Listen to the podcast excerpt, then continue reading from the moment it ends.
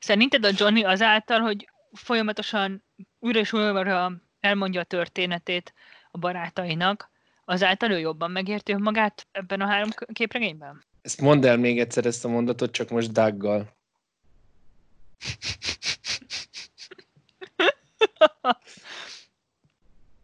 Szerinted az, hogy a Doug újra és újra elmeséli a történetét a korgott gyomrom?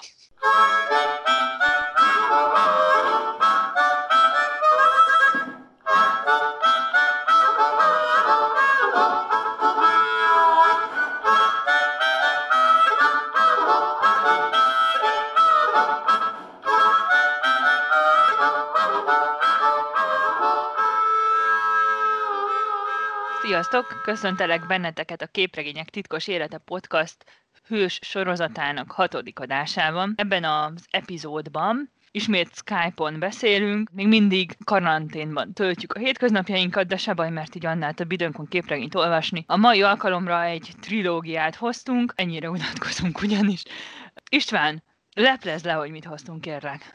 Charles Burns Last Look című trilógiájáról fogunk beszélni. Sokáig senki nem tudta, hogy pontosan hogyan is kéne nevezni, de végül Last Look néven jelent meg egy kötetben, egy szerintem nem túl szép kiadásban. Eredetileg három nagy francia album méretű kötetben jelent meg, ezt is fogjuk majd ma olvasni. De először beszéljünk egy kicsit arról, hogy ki is Charles Burns. Charles Burns-nek én a Black Hole című képregényét olvastam korábban, azt többször is. Az első benyomásom a Black Hole-ról, mert nagyon tisztán emlékszem rá, az az volt, hogy úristen, mi ez?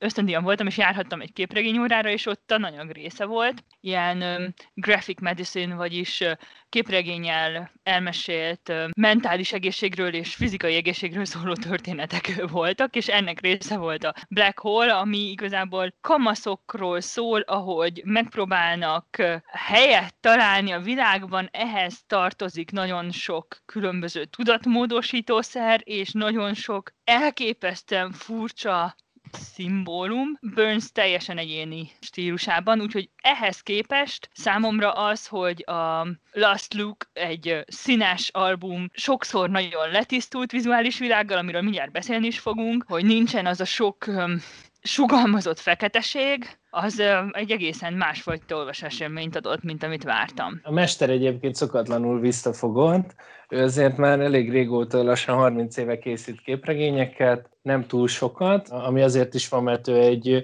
nagyon elismert illusztrátor és grafikus, és animációs filmekhez is elég sok köze van. Tervezett borítót Iggy Popnak is, képregényekre valami kevés ideje marad, és saját elmondása szerint is baromi lassan dolgozik, rengeteget jegyzetel és rengeteget vázlatol, aztán elfelejti, hogy mit jegyzetelt le és mit vázlatolt le, úgyhogy állandóan vissza kell keresni, hogy mit csinált, és emellett próbálja megtartani a saját ösztönös elképzeléseit is a munka során. Úgyhogy ezt a trilógiát is kb. négy éven keresztül készítette. Igen, én most elővettem a, a publikációs sorrendet, szóval az első kötete a trilógiának az X-Out, amit mondjuk úgy fordíthatnánk, hogy kiütve, az 2010-es, 2012-es a The Hive, a kaptár, és 2014-es a Sugar Skull, a cukor koponya, és egyben pedig 2016-ban jelent meg Last Look utolsó pillantás címmel. Akkor képregényt a kezekbe, és lássuk. A trilógiát a Jonathan Kép és a Pantheon jelentette meg, az első kötetet a Pantheon Books jelentette meg, az utolsó kettőt pedig a Jonathan Kép. Igazából nem tudni, mi az oka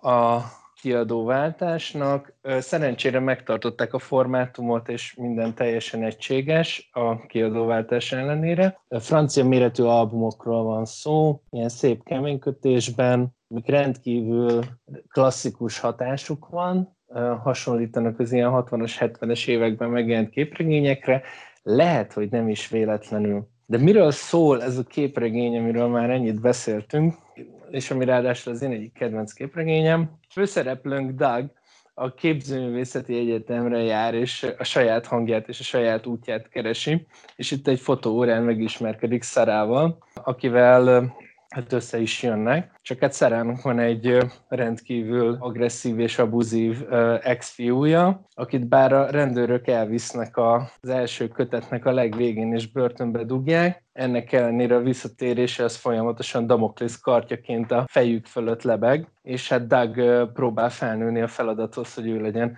Szarának a barátja, és közben pedig próbál hiteles művészén válni, performance előadóként. Van egy alter egója, Johnny 23, vagy Nit-Nit. És Johnny 23 pedig mindeközben, miközben Doug próbál felnőni ez a feladathoz, egy teljesen alternatív valóságban. Muszáj, bocsánat, ezt muszáj felolvasni. Annyira bírom, hogy munkát kap a kaptárban, ahogy gyík emberek. Komolyan ezt a burns hogy találtok én sem tudom. Bocsánat. Mindeközben egy alternatív világban Johnny 23, Doug alter egója egy rejtélyes helyre vetődik, munkát kap egy gyik emberek által üzemeltetett kaptárban, ahol a királynők által tolt tajásokat tárolják. A gond csak az, hogy Johnny beleszeret az egyik királynőbe.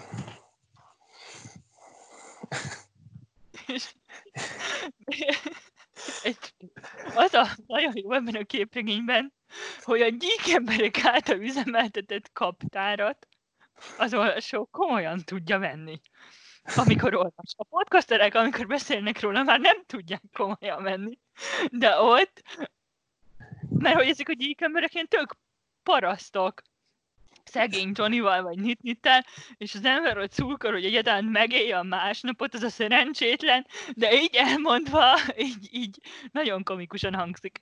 Az a történet sor, amit az István az előbb elmondott, az sosincsen így ebben a sorrendben tálalva az olvasó számára, hanem fokozatosan, ahogy egyre többet ismerünk meg a különböző idősikokból, illetve az egyes szereplőkről, akkor jövünk rá, hogy vajon mi mi előtt és mi, mi után ö, lehetett, és igazából csak a harmadik kötet végén jön rá az ember végül is, hogy az egyik legfontosabb cselekmény szál, ami igazából semmi másból nem áll, mint hogy ö, betegen fekszik a pincébe a főszereplőnk, az mikor van és miért van. Lenyűgöző az a fajta tudatosság, ahogy Burns már a képregény elejétől kezdve vezeti a különböző szálakat.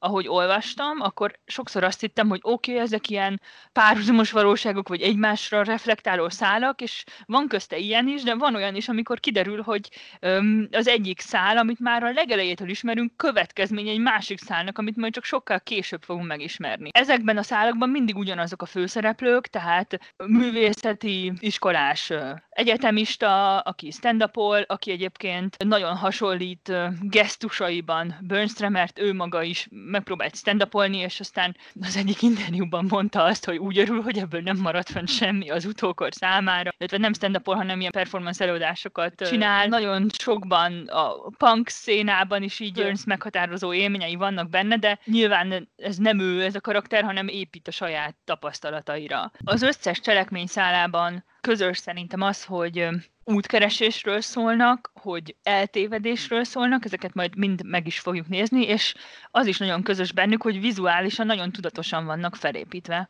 És hogyha megnézzük mondjuk az X-Out, az első kötetnek a címlapját, akkor itt egyből a mélyére csöppenünk annak a összetett vizuális világnak, ami jellemzi ezt a művet. Itt láthatjuk a, a főszereplőnket, elfelejtettem, hogy hívják a főszereplőnket. Dagnak, Dagnak hívják a főszereplőnket. Fölírom, fölírom. Itt láthatjuk a főszereplőnket, Dagot. Abban az öltözékben van, ami az első kötetben az indító szál, ezt majd mindjárt meg is nézzük, tehát itt beteg, egy ilyen nagyon furcsa tárgyat néz, és mögötte van egy mérgező folyó, valamint rengeteg sok szemét. Ugye az, hogy Burns vonzódik a szemét vizuális reprezentációjához, ez egyáltalán nem új a Black Hole után. Viszont ahogy ez a címlap kinéz, az egy az egybe idézi Tintin képregények címlapját. Felfoghatjuk ezt az egész trilógiát úgy, mint egy nagyon különös reflexiót Erzsé munkásságára. Rögtön itt az legmeghatározóbb és legbugyutább elem a címlapon, ez a tojás, amit a gyík emberek a Kaptár című részben ö, központi cselekményen emelnek. Ez is egy Erzsé címlapról átemelt elem, és maga Burns mondja azt, hogy egy interjúban, hogy kiskorában nagyon sok Tintin képregényt olvasott, viszont nem értette, hogy miről van szó, és egy csomószor nem tudta összerakni a, a sztorikat, és egy olyan elem, ami nagyon sokat gondolkozott kiskorában volt, ez a gomba amit ő így tojására rajzolt meg, de hogy ez a, ez a mintás elem. És már ennek a címlapnak a, igazából a vonalvezetése is, meg a színezése is tisztelgés, Erzsé, Linkler, azaz ilyen árnyékmentes, egyszerű színeket használó, nagyon letisztult ábrázolás módja előtt. Hogyha kinyitjuk a képregényt, akkor egyből egy kollázs oldalt látunk, amit szintén Erzsétől vett át Burns, megmutatja igazából a legfontosabb motívumait ennek a képregénynek, amik minden egyes síkban megjelennek, és az ember, vagy legalábbis én minden egyes síkban megpróbálom értelmezni őket, hogy vajon megértem-e, hogy mi például ez a malac, ami itt éppen a jövegben van rakva, de időnként pedig ilyen magzatot utánoz, időnként meg, már megszületett kisbabát utánoz, időnként csak egy malac, minden cselekményszálban ott van, de valahogy sosem fejtődik meg, hogy mi ez. Ugyanígy láthatjuk még itt ezt a tintenál a, amit fölvesz Doug tabletták, amit folyamatosan szednek, vagy a polaroid fotók, hogy itt vannak ezek az elemek, hogy oké, okay, olvasó, erre figyelj, megoldást azt szerintem nagyon nehéz kibányászni.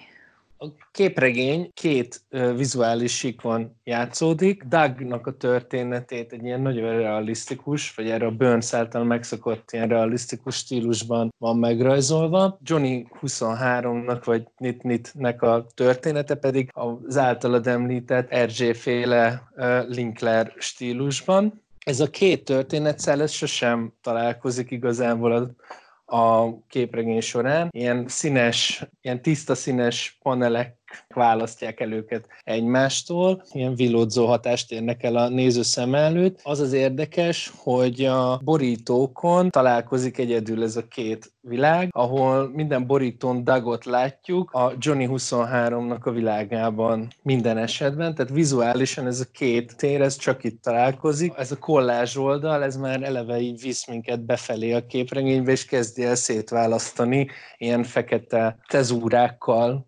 egymástól a képeket, és szekvenciálni a, a történetet. Ezek a kollázs oldalak végül ilyen fekete és színes panelekre szétszedett oldalakban jelennek meg. Ez az Xdout-nál egy X-et mutat, a Hive-nál egy ilyen hegy szerű képződményt, a Sugar skull pedig ilyen koponya hatása van, de hogy itt is már az történik, hogy a, a színek szétválnak egymástól. Azt látjuk, hogy a borítón a főszereplő Doug van Johnny 23-nak a világában, majd jön ez a kollázs oldal, ami egyszínű, az első kötet esetén piros és fekete, a másodiknál lila és fekete, a harmadiknál pedig kék és fekete, majd jön egy csak színes paneleket, tehát egyszínű paneleket tartalmazó oldal, ahol ezek a színek, tehát a, a piros, a lila és a kék a feketétől elválva jelennek meg, és csak utána kezdődik el a történet, általában egy másik teljesen idegen színes panellal. Itt válnak szét a világok egymástól lenyűgöző az a tudatosság, ahogy Burns vizuálisan megtervezte ezeket a köteteket és ezeket a világokat. Azon gondolkoztam, hogy igazából ahogy visszajön az a már említett malac, amúgy látszik, hogy a veszőpariban lesz ebben az adásban, vagy a polaroid képek, vagy a tojás motívuma, vagy az, hogy lyuk van a falon, mindig más szerepben, de tökre teljesen visszajön, meg teljesen fontos az, hogy adott oldalon belül hol jelennek meg az elemek, azon gondolkoztam, hogy igazából a Watchmennél van az, ahol ennyire tudatosan összerakták azt, hogy hogy nézzen ki a képregény, és ott is van reflexió a képregény történetre, ugye ahogy olvassa, mennyire mondjuk spoileresen, az egyik karakter a, ezt a karózós rémhistóriát, itt is az egyik karakter olvas egy 60-as évekbeli romantikus képregényt, illetve az egész képregényben egy szál Tintinre reflektál, nagyon tudatos. Nézzük is meg talán, hogy hogyan indul az első kötet. Hogy a hallgatók is értsék, hogy miért az Istennek ez a kedvenc képregény, és én miért vagy örülök annyira, hogy elolvashattam. Szóval az első kötet az egy fekete oldallal indul, amiben valaki, mint megtudjuk a második oldalon, aludt. Itt a Johnny 23-at látjuk, ahogy felébred egy ágyban, és a szoba végével lévő falon tátongó lyuk mellett megpillantja a macskáját, Inkit, és Inki azért is egy nagyszerű macska, mert ez is reflektál arra, hogy a Tintinnek a fehér kutyáját Snowy-nak hívják, mondjuk hófehérnek, és akkor ezt a cicát pedig uh, tintafeketének nevezte el Burns. És egyébként, ha már itt így ilyen lexikális tudásaimat fitoktathatom Burns és Erzsé kapcsán, ez a beszélő lyuk, ez egy ilyen gyerekkori traumája Burnsnek, ezt is valahol mondja, hogy nézegette a Tintint, és ő ugye amerikai, ha jól emlékszem, Seattle környékén nőtt föl, de ezt meg tudjátok nézni az interneten. Kertesházban nőtt föl, és volt egy olyan Tintin oldal, ahol a kaputelefonon beszéltek az emberek, vagy csörgött a kaputelefon, és ő nem tudta, hogy mi az, hogy kaputelefon, és nem ismerte föl, hanem azt dekódolta, mint gyerek, hogy a lyuk a falon beszél. És, és ez annyira megmaradt benne, hogy egy csomó képregénye tele van beszélő lyukakkal, és ez rögtön egyből így nyit, hogy a Tintin figurá egy beszélő lyukkal kénytelen interakcióba kerülni. És át is mászik ezen a lyukon, ahonnan lejut erre a mérgező folyópartra, majd egy másik lyukon, másik fal, falon keresztül bemászik a, a kaptárba, találkozik egy gyík emberrel, aki igencsak durva szavak kíséretében kidobja őt az utcára, ahol találkozik egy furcsa kinézetű fickóval, aki megpróbálja rávenni, hogy megegyen egy furcsa rothadó húsból kivett férget, de ebben szerencsére megállítja őt egy filmesztelen kisfiú, aki azt mondja neki, hogy ha éhes, akkor szívesen elkíséri egy másik helyre, és opciókat is ajánl neki, hogy hol adnak tisztességes reggelit ebben a városban. Útjuk közben Johnny megpillant egy szuterén ablakot, amin keresztül egy ismerős férfit vesz észre, de nem tudja, hogy honnan ismeri, és tovább sétálnak, majd jön egy színes panel, majd tévéműsorokat látunk, és egy cigarettával kiégetett takarókat, a kék eget, egy kutyát, amint egy faákba kapaszkodva, egy megáradt folyón távolodik tőlünk egyre messzebbre, majd kiderül, hogy ez egy tévéműsor, és az imént a, imént a szuterénben látott férfi nézi ezt a tévéműsort, aki beszél az olvasóhoz, és utána azt látjuk, hogy Doug fölébred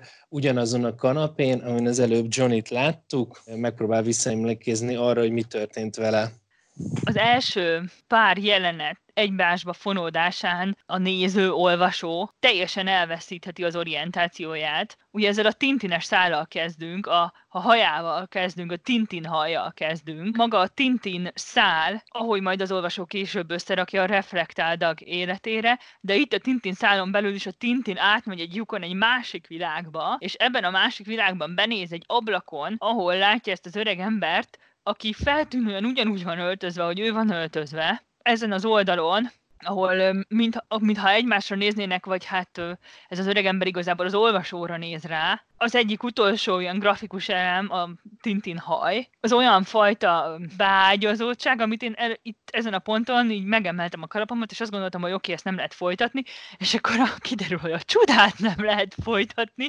mert van ez a ö, kiégetett takarós ö, dolog, amiről később megtanulja az ember, hogy melyik szárhoz kösse, és akkor hirtelen még televízióban látható ö, események is segítenek abban, hogy elveszítsük az orientációnkat, és hogy összekössük a, például a sodródás eleme által ezt a kis kutyust a Johnny 23-mal. És amikor felébred a Doug, akkor az olvasó, aki eddig a Johnny 23-ról és, és erről a nagyon furi pincében lévő emberről olvasott, nem is sejti, hogy ő a főszereplő. Annyira jól félre vagyunk vezetve, hogy végig az agyunknak a vizuális memóriáját tökre aktívan kell használnunk olvasás közben, hogy rájöjjünk az egyes szálak között lévő nem csak cselekménybeli, hanem vizuális kapcsolatokra is. Én ezt képregényt annak idején úgy olvastam, hogy hát, hogy megjelenés sorrendjében. Ahogy láttam, hogy megjelent az első kötet, még megrendeltem eh, interneten, ezt így mindig házhoz hozta nekem a postás, az összes megjelenést, és amikor az első kötetet elolvastam, akkor valóban így a végéig egy ilyen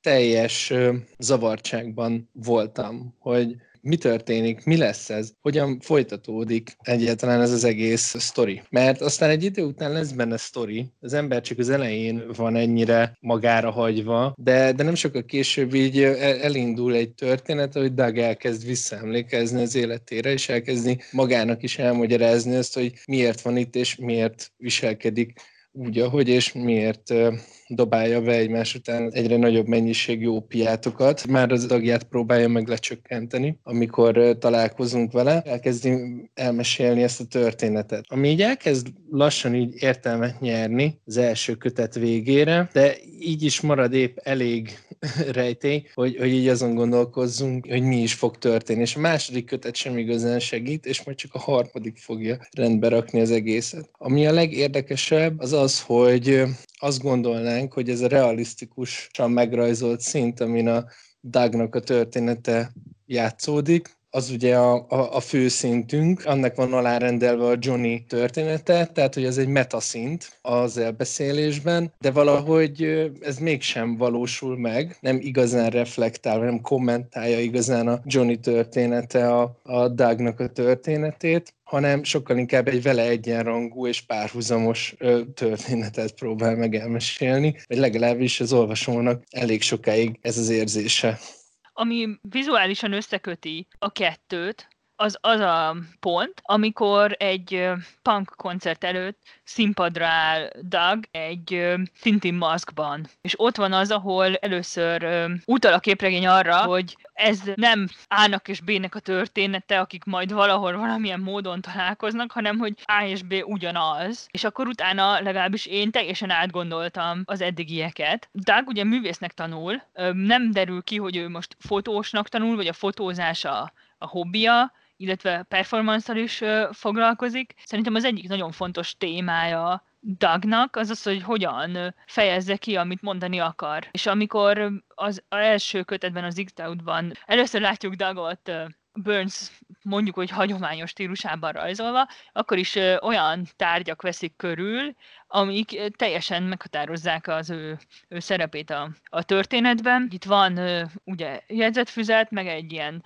félig eltakart Zep képregény, meg egy ilyen nit-nit képregény, meg rengeteg polaroid, és kiválasztja azt a polaroidot, amely azt a lányt ábrázolja, aki később a barátnője lesz, Szarát. Ezen a polaroidon Szará félmeztelenül van, és egy húsdarabban rakott kést tart. Az is mert látszik majd a képregényben később, hogy hogyan készült ez a fotó, de maga az, hogy nők tartanak, mint valami Madonna, kis Jézus helyett ilyen teljesen obskurus tárgyakat, az egy folyamatosan visszatérő motivum, és talán érdekes rögtön már itt az első megjelenéskor beszélnünk egy kicsit arról, hogy milyen ember ez a dag, az a dag, akit itt látunk, akit több időségben is ábrázol a képregény, és hogy itt az elej, hogy néz erre a lányra. Szerintem eddig nagyon kerülgettük a spoilereket, és most vágjunk át egy spoileres adásba István, mert ezt szeretném mondani, hogy ez az időség mikor van.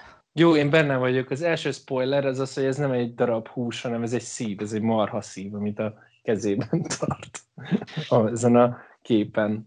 Ami, tehát, hogy szerintem tök fontos. A második spoiler az az, hogy ez a csaj folyton ö, fotózik, és a, amikor megismerkednek, akkor a Doug úgy tekint rá, mint egy ö, fantasztikusan vagány lányra, aki olyan képeket csinál magáról, hogy a világ legvadabb szexuális fantáziáit képes megmutatni magában másoknak. Tehát, hogy van, van egyfajta ilyen fokozott szexuális vonzerő, ami a dagot szarához vonza, amikor a marhaszívet a kezében tartja. Ebben a, a jelenetben amikor először látjuk Dagot, akkor, akkor ő igazából már mindezen túl van. Amikor olvastam, akkor én még nyilván nem tudtam, hogy ez az egyik legkésőbbi dag a, a történet, mert lesz majd később is, de hogy az egyik késői dag, tehát hogy itt még nem tudjuk, hogy mire gondol vissza, és ugyan feltűnő a csaj szemében lévő szomorúság, meg hogy a dagnak is végül is van egy kötés a fején, ami azért nem a legboldogabb helyzet, de hogy, hogy a nőbe, mint ilyen vágyott párkapcsolatban, vagy vágyott szexuális partnerre való tekintés, hogy itt egy mennyire póz az egész, az szerintem az összes rétegben csak így ilyen pici morzsánként áll össze. Ez ugye azért is fontos, mert később ahogy lassan kibomlik a Dagnak a kapcsolata az apukájával, aki ez a, az úriember a szutenénben, akit a Johnny spoiler, is... Spoiler! Spoiler! Látni vélt, akkor kiderül, hogy neki is volt egy ilyen nagy szerelme, aki után így állandóan vágyódik, és fényképeket nézeget, és azon nosztalgiázik, hogy mi lett volna, hogyha mégiscsak összejöhet, összejöhetett volna vele. Ágnak él még az anyukája, de őt sosem látjuk a történet folyamán, a hangját sem halljuk, csak beszél nek róla, vagy ő beszél róla a saját kis monológiában. Talán egy jelenetben valamilyen zajt csap képen kívül, de még annak sincsen külön vizuális megjelenítése. Csak, csak megemlítik, hogy mi ez a zaj. Valószínűleg anya jött haza.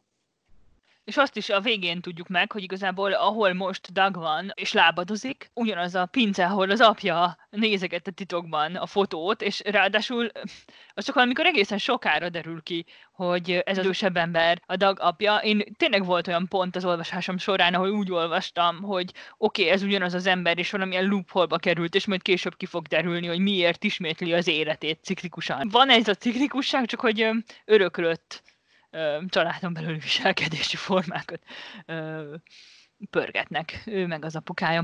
Azt keresem a, a képek között, hogy hol vannak a, azok a fotók, amikor így csodálja a Sarah önarcképeit, Doug, amikor így teljesen, hát amikor így beleszerelt, és a, az exotikusság, meg a frissesség hevében öm, teljesen oda van azért, hogy milyen képek vannak a szaráról, hogy mennyire öm, kifejez tabu témákat is. Az annál a résznél van, amikor megtalálja fönt, a, a, elmegy erre a koncertre, és az emeleten talál egy ilyen furcsa, oltárszerű építményt, amin a szarát látja ezzel a általad már oly sokat említett malaccal, és utána van egy, egy oldal, ahol, ahol elmeséli a Szara történetét, és ott látjuk ezeket a képeket, amiket a Szara készít, meg a kiállításairól,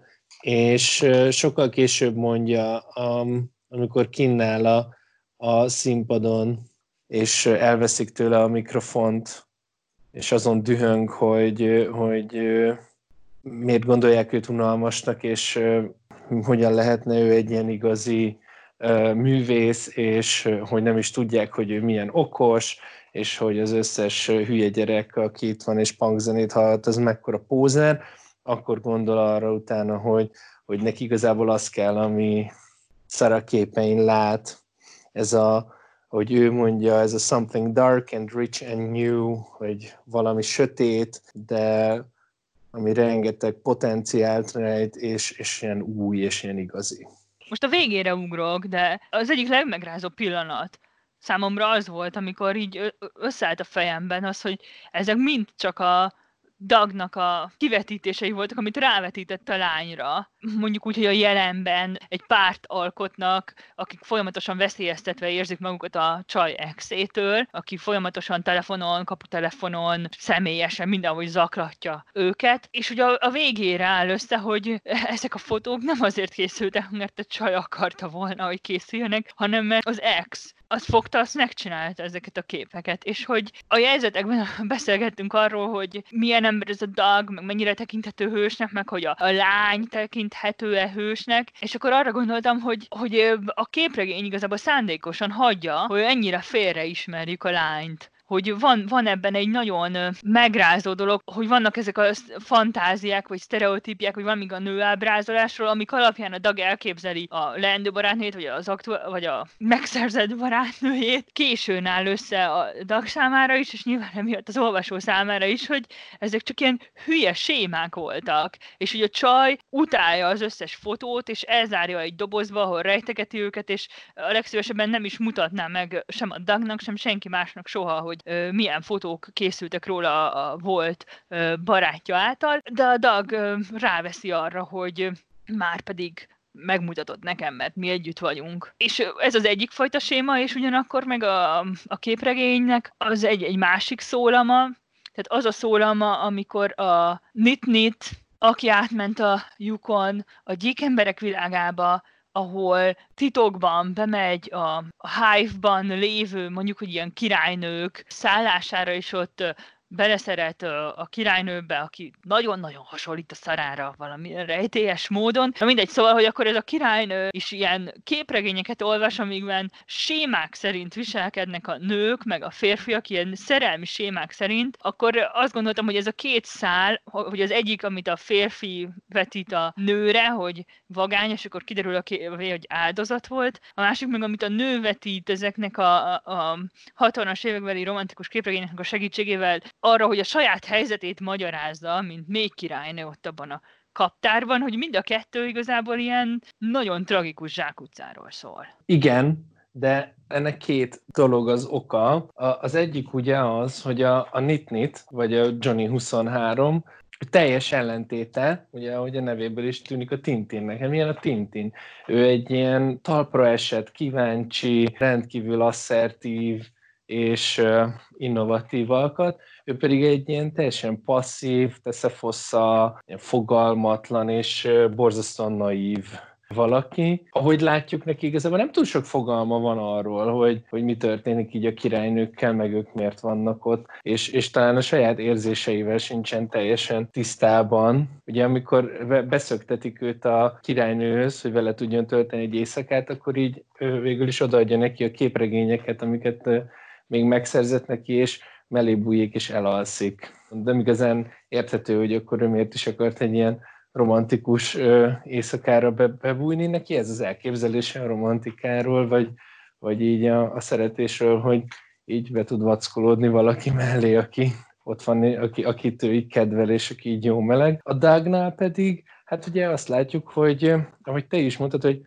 van ez a jelen szál, hát igazából nem ez a jelen szál, ez is a múlt, mert ő ugye voltak éppen elmeséli a történetet, és azt látjuk a képregényből, és az a jelen, amikor ő elmeséli a történetet, és azt látjuk, a, hogy ezt a történetet ő éveken át meséli, voltak éppen a harmadik kötetben fejezi csak be, és közben már nagyon sokan megvádolják őt azzal, hogy újra és újra elmondja nekik, tehát hogy az olvasónak még csak most bomlanak ki az utolsó szálak, de Dagnak a környezete meg baromira unja ezt a történetet, amit ő Szaráról mesél.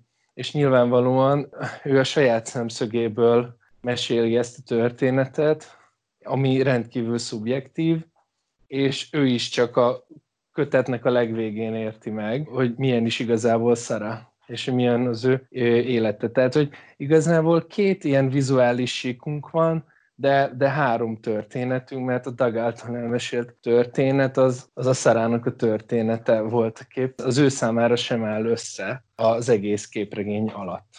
Azt finomítanám itt, vagy az én felfogásomban, amit mesél a Doug, és ez az, hogy ő most mesél, és újra elmondja, és már megint mindenkit fáraszt, ez igazából a harmadik kötetben lesz szerintem így hangsúlyos. De hogy ő nem konkrétan a Száráról mesél, hanem a Szára és az ő kapcsolatáról mesél, az én értelmezésemben.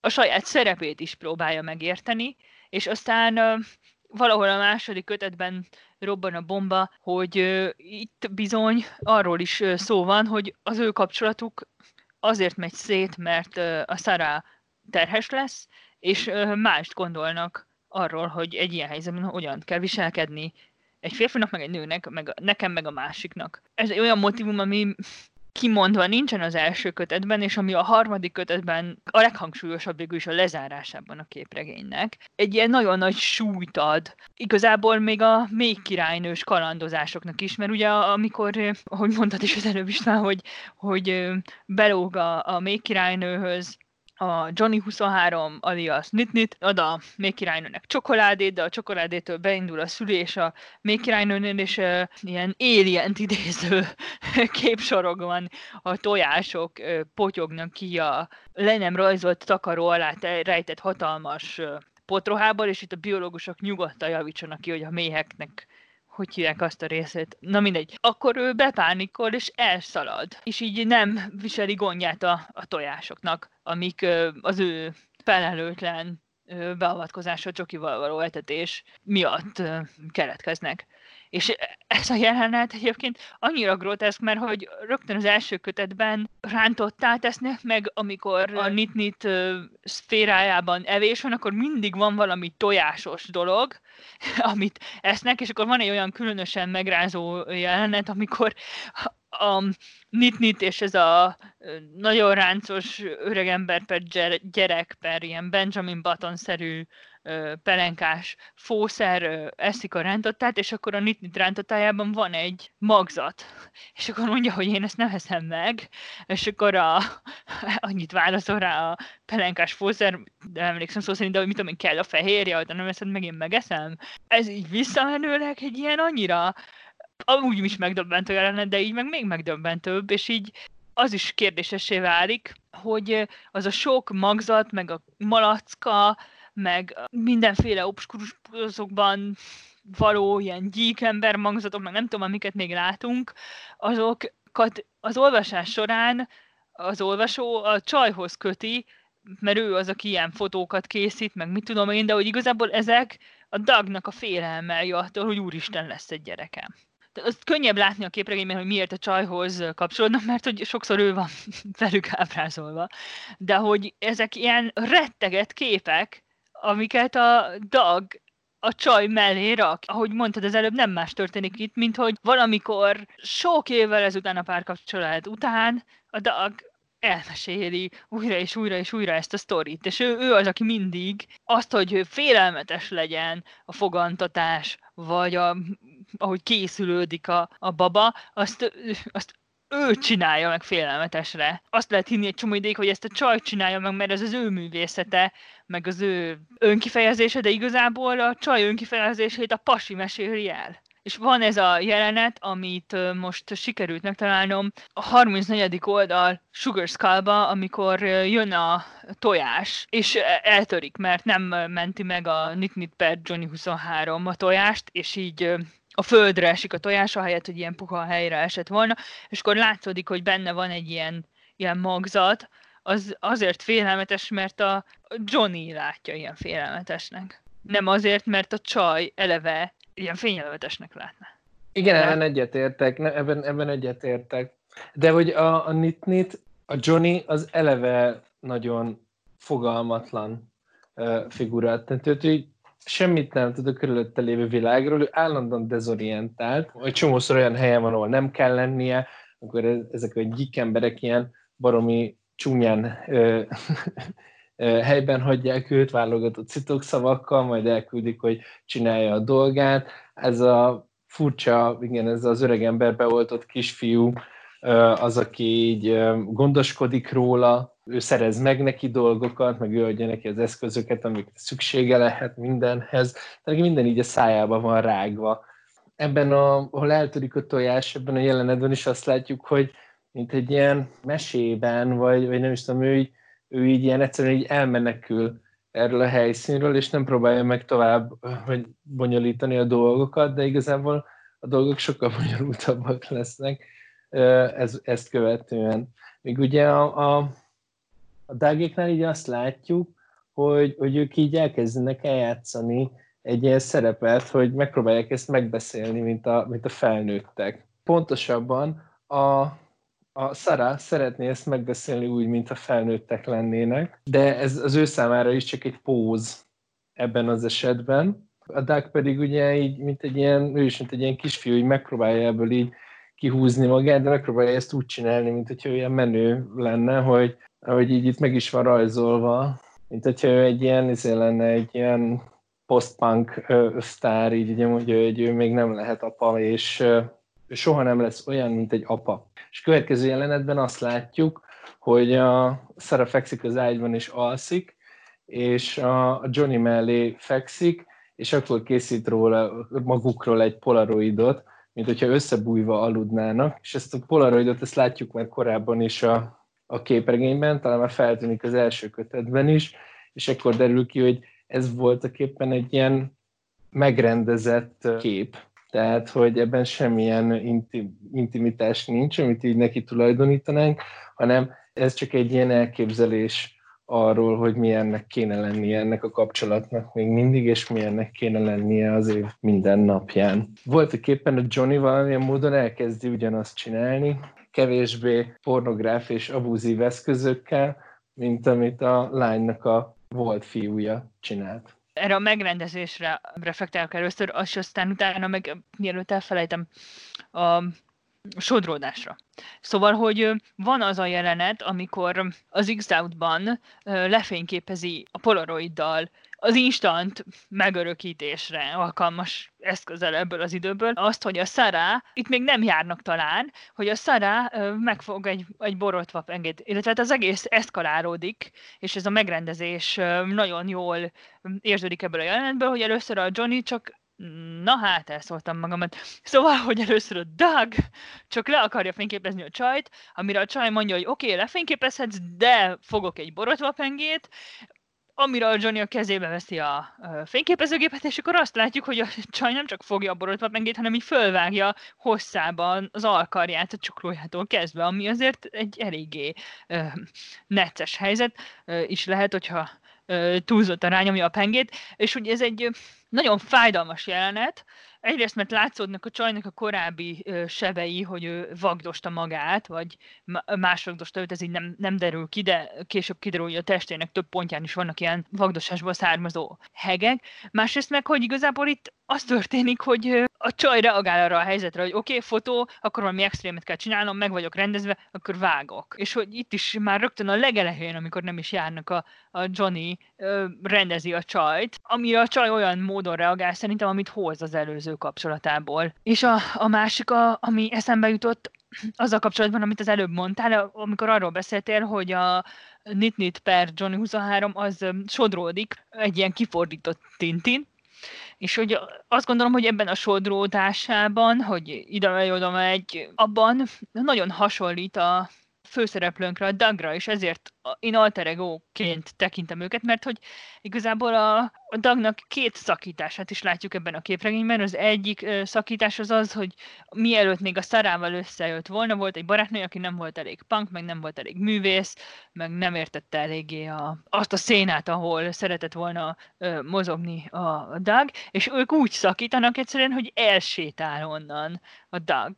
És nem fordul meg, hanem átsétál a szarához, és akkor mondjuk este van, és kb. másnap reggeltől ő neki a szará a barátnője, és aztán amikor a szarával szakítanak, az is egyszerűen így történik, hogy a szara lakásából egyszer csak elsétál, többet nem megy át, időnként még találkoznak az egyetemen, aztán telefonon beszélnek, aztán úgyse, és ekkor a szakítás után van az kronológiailag, hogy beköltözik ebbe a pincébe az apja szerepét magára öltve, de nyilván amikor az ember először találkozik a daggal a pincében, akkor nem tudja, hogy ö, mi a helyzet, és az volt a, a megdöbbentő számomra, hogy tehát a nyitó a dagnyitó jelenetében ott a pincében betegeskedik, mi ott olvasóként nagyon sajnáljuk, és akkor csörög a kaputelefon, és ő rettek, hogy úristen, mi fog történni. Mind a három kötetben folyamatosan, ha csörög a kaputelefon, akkor arra rettegés a reakció, mert az a Sara expasiának a zaklatása, ordibálása, az utcán való minősíthetetlen viselkedése mindig a következménye. És a legvégén, a harmadik kötet legvégén tudjuk meg basszus,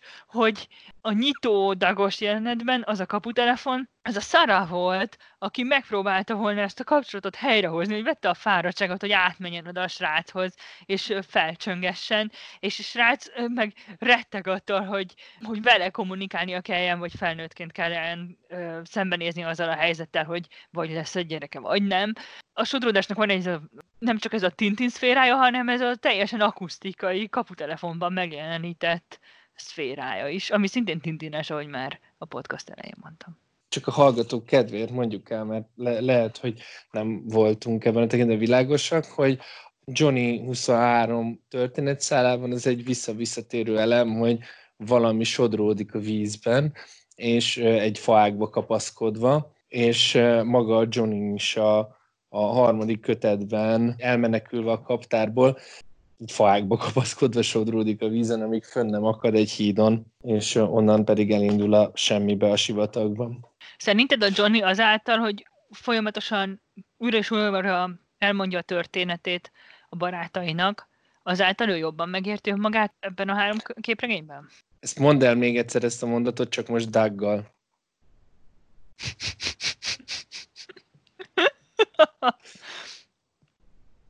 Szerinted az, hogy a Doug újra és újra elmeséli a történetét a korgott a gyomrom?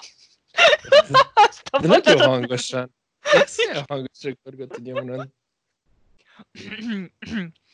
Ez lesz a jó.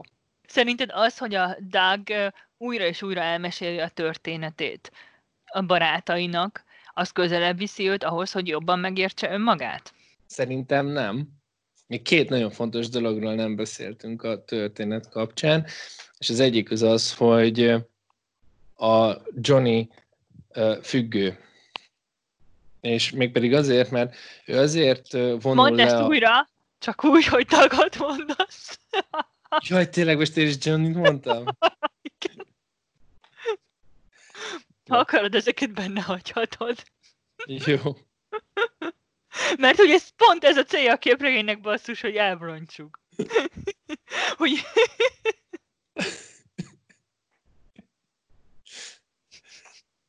Na, hogy...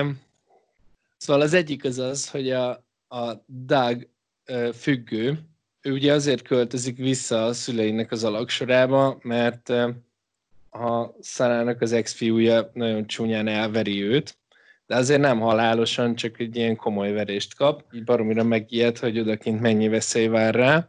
Elvonul a pincébe, ahol nem csupán fölöltözik az apukájának, hanem elkezdi szedni az apukájának a régi gyógyszereit is, amik ilyen ópiát származékok. Hát ezt nem tudjuk, hogy ezekről így sikerül lejönnie, de valószínűleg sikerül, csak utána viszont inni kezd nagyon erősen, és nagyon sokszor sem tudja magáról, hogy hol van. A második kötetben azt látjuk, hogy folytatódik ez a ébrellét és álom közötti állapot, ahol ő nem mindig tudja, hogy hol van, nem mindig tudja, hogy kivel van, és hiába próbálja újra és újra elmondani a, a történetet, nem mindig tudja már, hogy hol tart benne, és kinek mondta el. Például éppen azt sem tudja, hogy a, az aktuális barátnőjének elmondta-e, ennek a barátnőnek például a nevét a harmadik kötetig nem is tudjuk meg, mert ő annyira szét van esve a második kötetben, hogy igazából semmit nem tud felidézni konkrétan vele kapcsolatban, csak a lánytól tudjuk meg, hogy közöttük milyen kapcsolat is áll fenn. Ennek az egésznek szintén van egy ilyen elég szürreális éle, de ugyanakkor elég jól megmutatja azt is, hogy egy függő vajon hogyan élheti meg a mindennapjait. Tehát ő ekkor még így nem tanul a történeteiből, mert nem is igazán tud belőle tanulni, ide-oda ugrál az időben, próbál benne rendszert teremteni, és megérteni a, a saját helyét benne. A harmadik kötetre ugye azt látjuk, hogy ő már kitisztult, lett egy új barátnője, aki egy ilyen teljesen átlagos lány, van egy rendes hétköznapi munkája, nagyon szereti őt, és tök megértő és türelmes vele, és Doug számolja a napokat, hogy mióta tiszta, de egyik este elrontja, és ismét szétesik de utána megint megpróbálja magát összekaparni, és, és igazából így az olvasóval együtt a történet végén érti meg ő is, hogy miről szólt ez az egész. Megérti a helyét a történetben, csak arra jön rá, hogy ő ezt a helyet nem töltötte be. A rengeteg ellipszis és a töredékes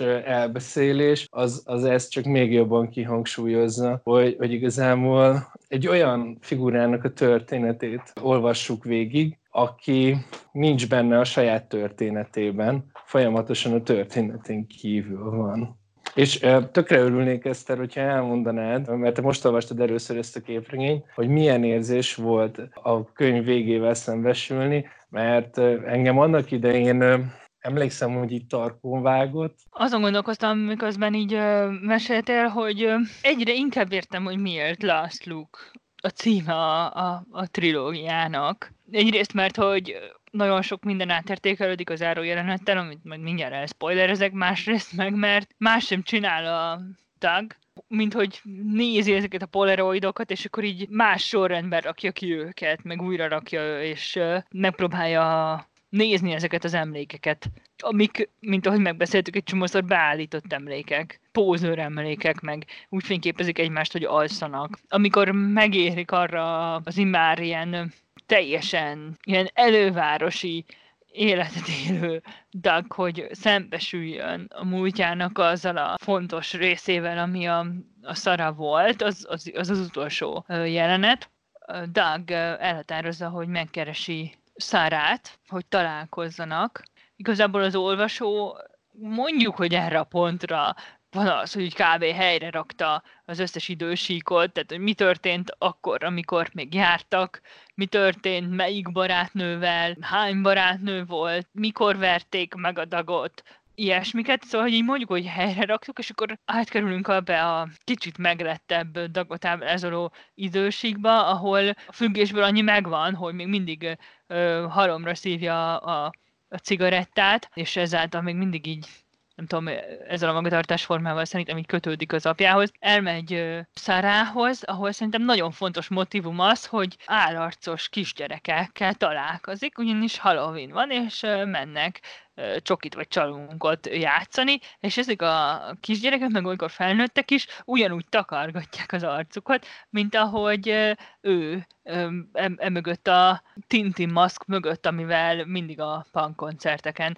megpróbálta szórakoztatni az embereket. És ezek a beöltözött gyerekek szerintem valamilyen szinten az ő gyerekességére is reflektálnak, és várnia kell egy teljes napot, mert valamiért nem számít arra, hogy Szara elmegy dolgozni, és napközben nem lesz otthon. Szerintem ez egy olyan kis naív dolog, és meg kell várnia a munkaidő végét, és amikor megjelenik a Szara, akkor ott van mellette egy kisfiú, aki csontváznak van beöltözve, egy ilyen ráncos állarcos csontváznak, amilyen tök megdöbbentő. Eddig a pontig mi nem tudtuk, hogy hogy dönt a szára, hogy tényleg megszületik a, a kisfiú, és érzelemdús ez a találkozás számomra, főleg amikor leveszti a maszkot a kisgyerek, és így úgy van megrazolva nyilván, hogy hasonlítson az apjára, és az volt még ö, számomra nagyon elgondolkodtató, hogy mennyire szépen és éretten beszél a Szara a gyerekkel. És ilyen éretten meg szépen a képregény ö, során nem beszélt egymással senki, soha. A jegyzetekben beszéltünk arról, hogy az egyetlen ember, aki így megérik, vagy ilyen nem várt módon tényleg felnőttként kezd el viselkedni, az, az ebben a jelenetben a Sarah.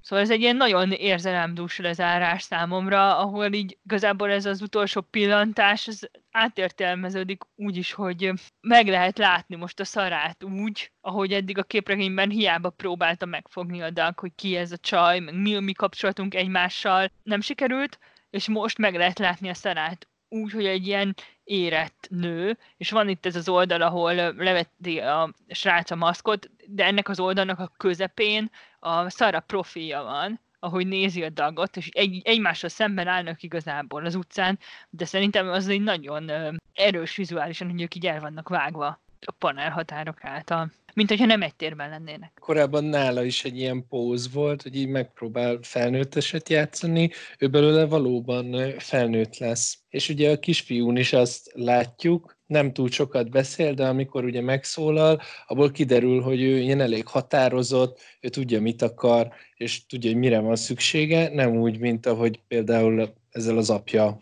volt, még akár a 20-as éveiben is, hogy csak így keresi magát, és nem tudja, hogy mi az igazán jó neki, és hogyan érzi jól magát.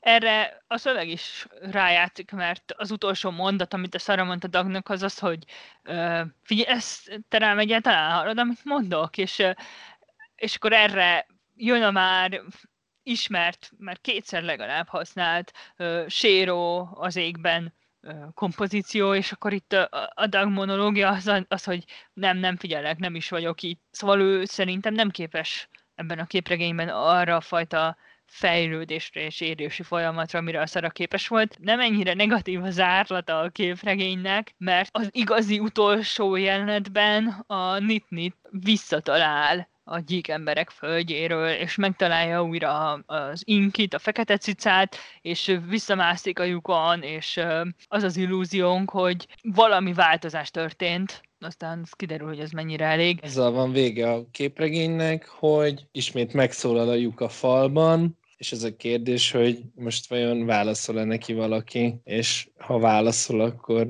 annak mi lesz a vége. Szóval ez egy érdekes motivum, hogy a kaputelefon csörgése az, ami így nagyon sokan félnek ebben a történetben. a történet egy adott pontján, ugye a Szara is folyton fél a, a kaputelefontól, nem csak a Doug, sőt lehet, hogy a Doug igazából tőle tanulja meg, hogy félni kell a kaputelefontól, de hogy, hogy sok ember, így például én is, például olyan vagyok, hogy lehalkítva hordom a telefonomat, mert nagyon nem szeretem, ha csörög, és nagyon feszült leszek a csörgéstől.